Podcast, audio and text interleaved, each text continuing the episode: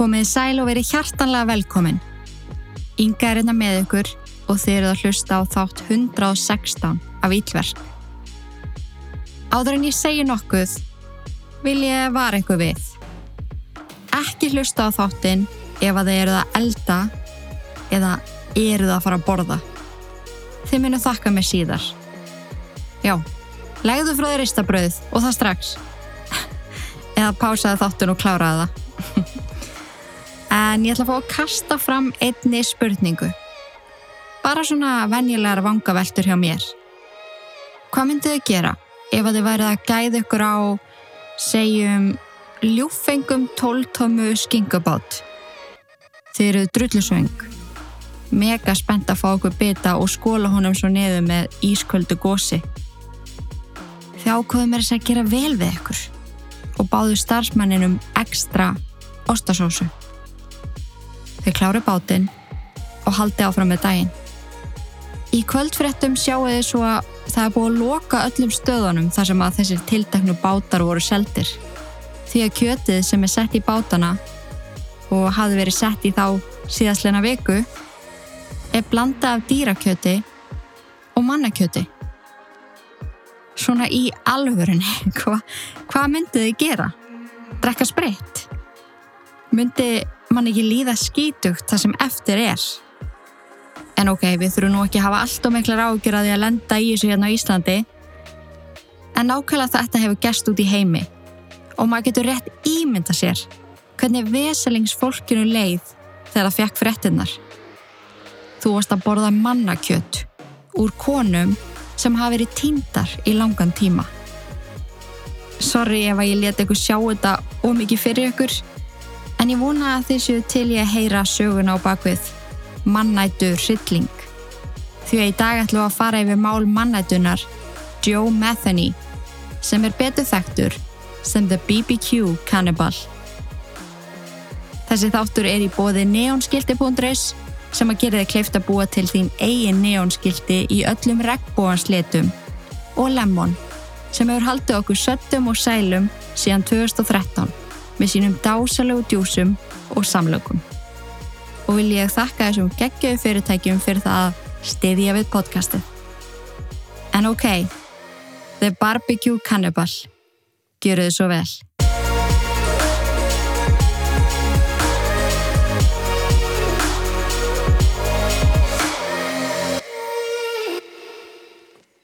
Það er ekkert að segja að hamingja og ástúð hafi ríkt á með þenn í heimilinu. Jean var laungu brunnin yfir eftir að hafa alið sex börn og átt ofbeldisneiðan drikkjusjúkling fyrir eigimann meiri hluta æfisinnar. En þegar eigimaðurinn lest svo í bílslisi eftir að hafa ekki framann á annan bíl undir áhrifum áfengis, þurfti Jean að gefa ennþá meira í. Þótt að kallin hafi verið fullur mest megnið af tímanum, Þá kom hann með tekurinn á heimilið og hjálpaði stundum með börnin. En þegar hann lést, eitti hún mestu af þeirra sparifíi í ágæti sérðaför fyrir hann og stóð svo einu eftir með börnin þeirra sex sem voru aldurspilinu þryggja til 11 ára.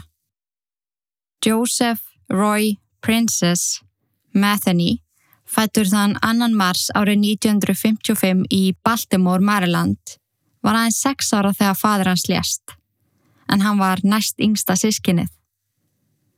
Þegar pappans lést var andrúnslofti á heimilinu allt annað. Það ríkti ekki lengur þessi beiskja og það voru ekki stanslausir yfirildi og ofbeldi. En í staðin tók yfir mikil streyta og móður hans var alltaf dauð uppgefin. Á tímabili starfa hann í þrem vinnum. Á barnum á kvöldin, á veitingastáðdægin og tók svo túra í matavagni inn á milli. Hún átti svo erfitt með að sjá um öll börnin að flest er að fóra á einhverjum tímapunkti í fóstur til að létta undir. En það fara tvær sögur að því hvernig líf barnana var háttað. Ef þú spurði Joe, þá sagði hann að mammans var í dáin og þau hefðu verið skilin eftir allslaus og vanrækt. En ef þú spurðir Jean, sagðist hún hafa gert allt sem hún mögulega gatt fyrir börnin sín. Hún passaði að þau fara aldrei svönga að sofa færu vel hirt í skólan og þau hafi aldrei nokkuð tíman verið sendið fóstur. Ég fann nú hverki staðfestingu á þessu, en við getum allan að gefa okkur það að ástandi hljóma frekar erfitt og oft á tíðum mjög streytuvaldandi. Móður Joe lísti sinni sínum sem einstaklega kursteisu og kláru barni. Hún gekk vel með námið og samti vel við önnu börn.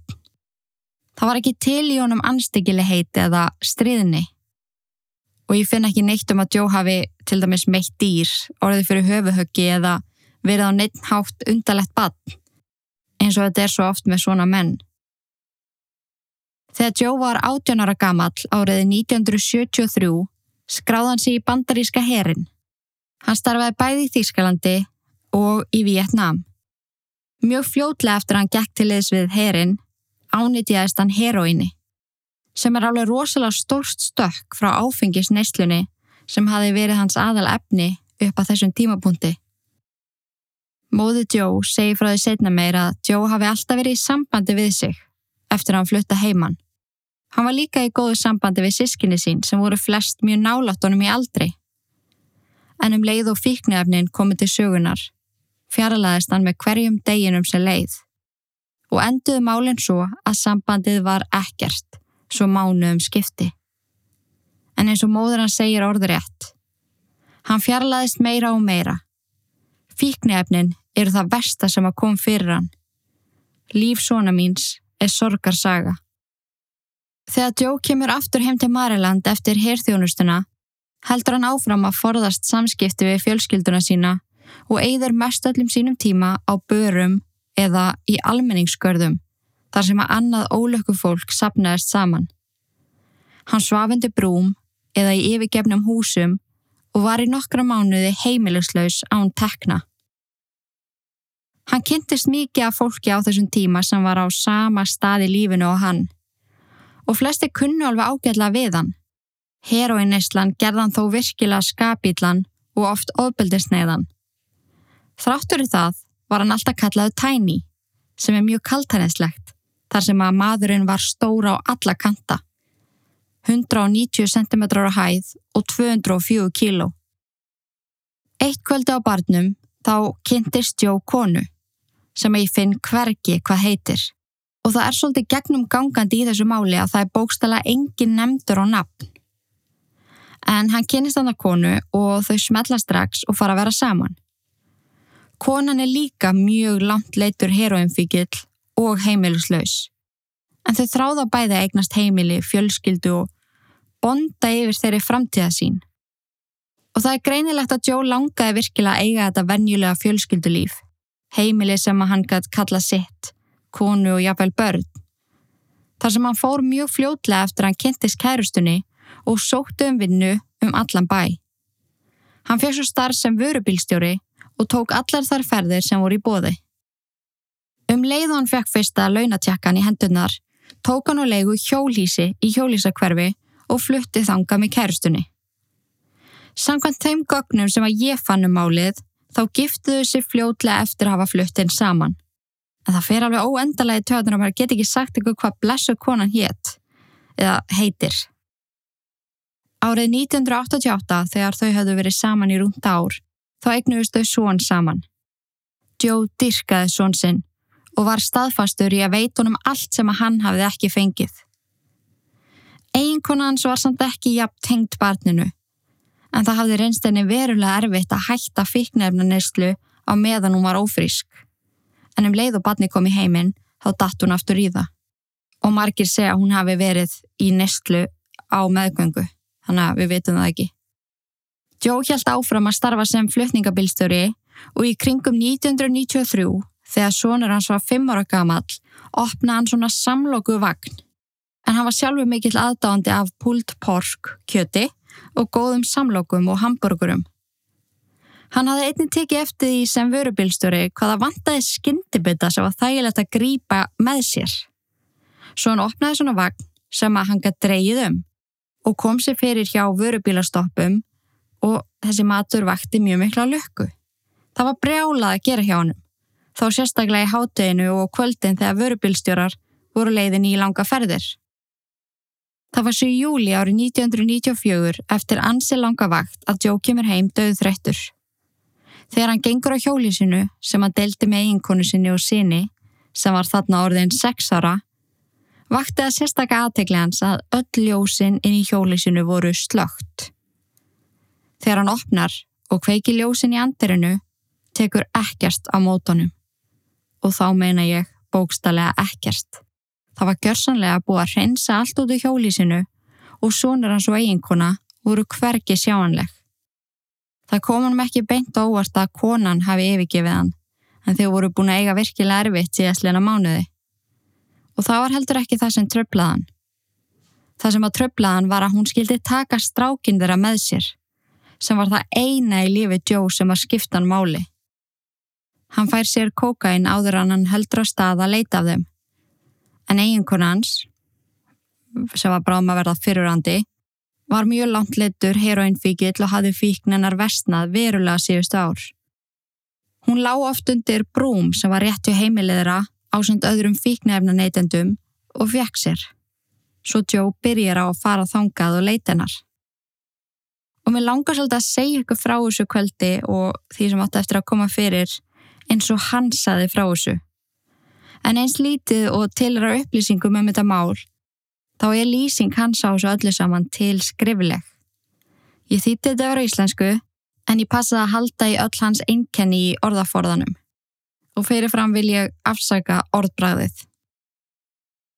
Þetta byrjaði allt í júli árið 1994. Ég var í vinnunni. Ég var vörubilstöri. Ég var að vinna yfirvinnu þetta tiltækna kvöld. Þegar ég kláraði, fór ég heim eins og vanalega. En þegar ég opnaði hurðina og kveikti ljósin, sá ég að allt var horfið.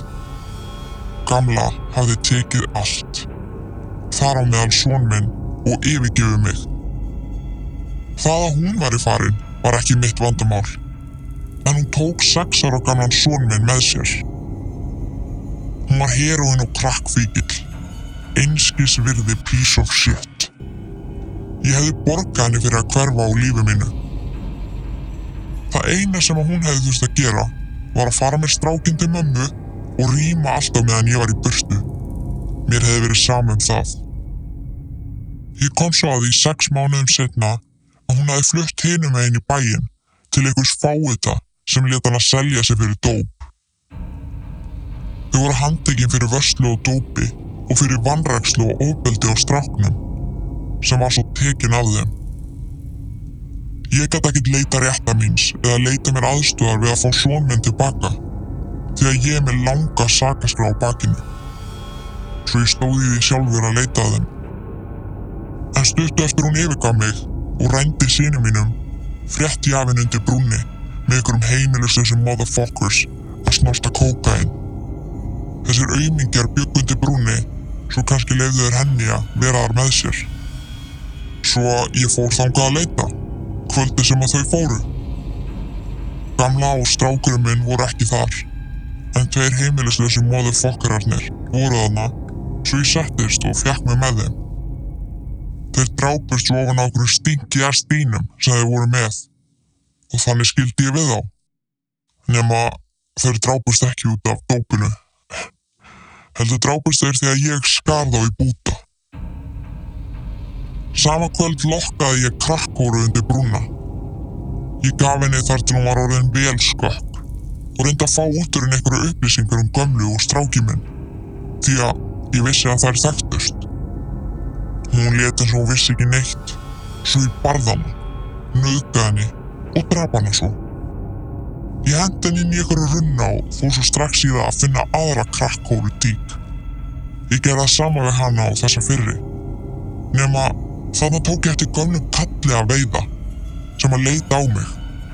Ég hef ekki hugmyndu um hvort hann sá eitthvað eða ekki. En ég greip járdröður sem lág á jörðinni og hljópa á honum.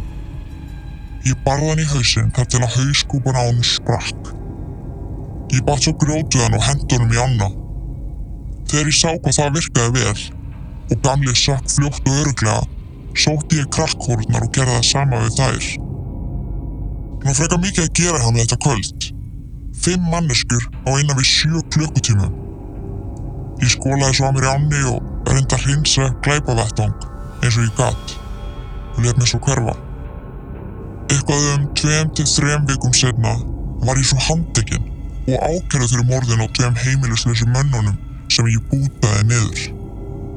Ég eitti átján mánuðum í Baltimore City fangelsinu og beigð eftir réttahöldum. Réttahaldagrínið endist í minna en viku áður en mér var hent út út af skorti og sönnunagögnum. Ég var frjáls og ný. Ég fór að tala við gamla yfirmann minn og hann samþykti að láta mér fá vinnuna mína aftur. Á landræk fyrirtækisinn sem ég starfa hjá er lítið hjólísi.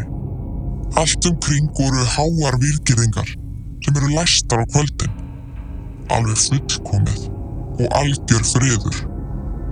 Ég bað yfirmann minn um að leifa mér að búa í þessu hjólísi og ég geti þá vaktað fyrirtækið á nóttunni. Hann let mér fá liklana að hjólísinu og hliðinu og ég flutti inn.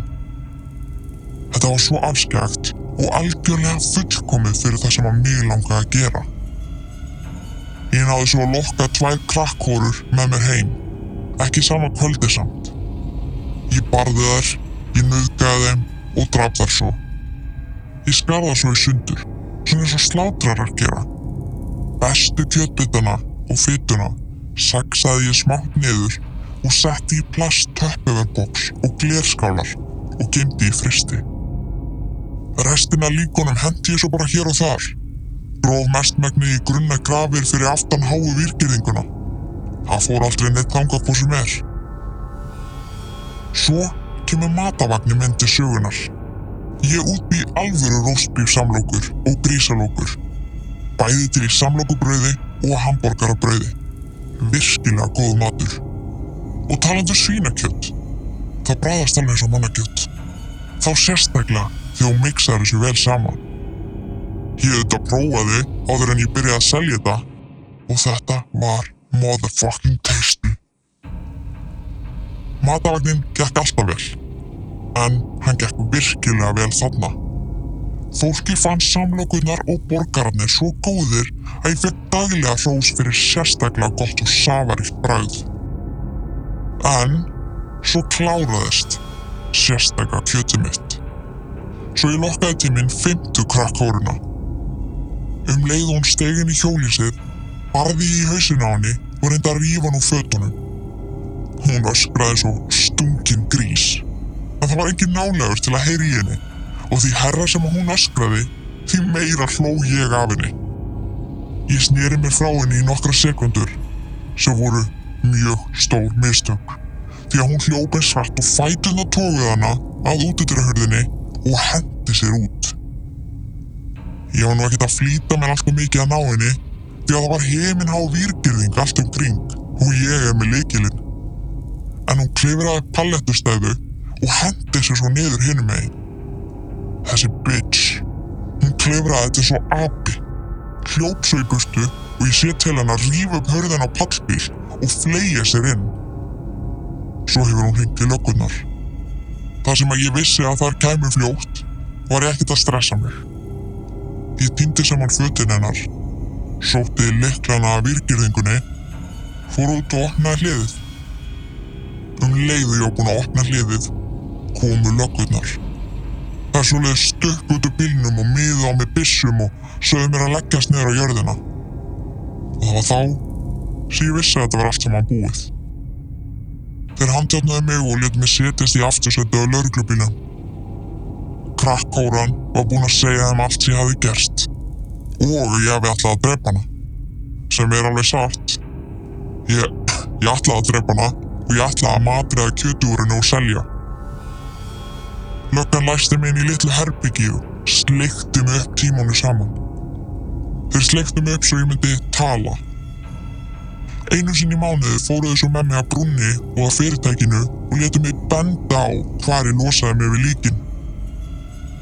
Ég horfði á yfirmann minn fyrirverandi í áfalli þegar líkamslefarna voru grafnar upp.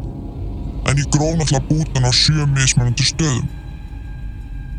Það eina sem að ég sé eftir í þessu öllu saman er að hafa ekki drepið the two motherfuckers sem ég var raunverulega á eftir sem er fyrirverandi gamla mín og bastarðurinn sem hún hjælt við. En jæja, Þetta er mín saga. Hún er, hún er hræðileg, en hún er sönn. Svo næst þegar þú ert á rúndinum og það vill svo til að þú sjáir eitthvað skonar mataravagn, eitthvað sem að selu jafnvel kjötlókur, hugsaðu þá um þessa sögu áður en þú færðir bita af samlokunni. Því þú veist aldrei hvað eða hvern þú ert að borða. Já, einmitt. Þetta er hans frásögn. Nokkuð orður rétt. Ég breytti bara sumstaða svo þetta myndi meika meira sens. En já, þetta gefur okkur smá insýn inn í viðurstykkilegan hugarheim Joe. En hans frásögn stangast þó við nokkur ofinberg gögn. Þá sérstaklega þegar kemur að síðasta fórnalambi hans. En hún lýsir kvöldinu 8. desember 1996 þannig að þau hafi farið saman heim til hans til þess að fá sér saman fyrknefni. En hann hafði sér samt lofað henni heroinni. Hann reyndi um leið að taka hann úr fötunum en hún þver neitað að sofa hjá hannum. Þegar hann var orðin mjög ágengur, hljóp hún út úr hjólisinu og hann hljóp á eftir henni og dró hann aftur inn. Hann reyndi að rífa hann úr buksunum og sagði við hann á meðan. Ég ætla að nauðga þér, ég ætla að drepa þig og ég ætla að grafa þig með hinum stalpunum. Hún kom svo út um glugga á hjólisinu, klifraði upp viðapalletunar, hljóp upp götuna og fekk far hjá manni á pallbíl að bensinstöð þar sem hún ringdi svo á laurugluna. Það var svo ekki fyrir 15. september þegar Joe var í jólasamkomu í vinnunni að hann var handtekinn á samt yfirmanni sínum sem hafði ekki hugmynd um hvað var í gangi. Joe var ákærður þetta samakvöld og yfirmaður hans ákærður fyrir að aðstofan við að fela lík en það kom svo fljóðlega í ljós að hann hafði ekkert með það að gera. Í fristinum í hjólísi Joe fannst höfukúpa í töpperverboksi en hann afhafðaði fórnalambi sín svo ekki var að hægt að bera kennsla á þau. Það var velt vöngum yfir því af hverju hann gemdi þetta tiltakna höfuð heima hjá sér. En það kom svo í ljós setna meir að hann notaði það í sjálfsfróun. Hann hlót átt og glotti þegar hann sagði fólkinu í domsal I fucked that skull. Joe viðurkendi að hafa mist þrjá menn og sjö konur.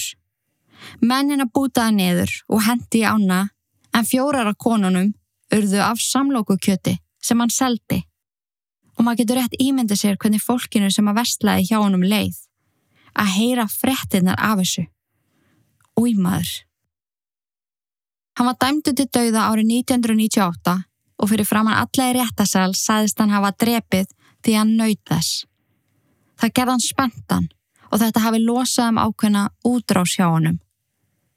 Hann var svo uppfullur að hatri út í fyrirverandi gömlu sína, eins og hann kallaði hann alltaf, fyrir að hafa tekið strákinn hans, að hann varða láta reyðin að bitna á ykkurum. En það er frekar erfitt að segja til um það hvenar hann byrjaði að myrða í raun og veru. En flestum finnst ansi ósennilegt að það hafi hafist árið 1994. Það er svolítið mikið að fara úr því að hafa ekki myrt neitt nefnir að myrða fimm á einu kvöldi og búta svo fórnulömpið niður. En hann vil meina að þetta hafi byrjið allt saman eftir að strákurinn hans var tekinn frá honum. Við munum samt líklegast aldrei fá staðfesting á því þar sem að Joe fannst látin í klefanu sínum í Western Correctional fangelsinu í Cumberland sem er staðsett í Maryland þann 5. ágúst árið 2017. Hann var þá 62 ára gammal. Dánarósök eru óljós en ég hef bæði lesið að hjarta hans hafi gefið sig en ég hef líka lesið að samfangar hans hafi eitrað fyrir honum. En hvernig sem að það nú var, sá hann aldrei eftir neinu. Hann saði fátt og let lítið fyrir sér fara í fangilsinu og fyrir það sem hann gerði fekk hann viðnefnið The Barbecue Cannibal.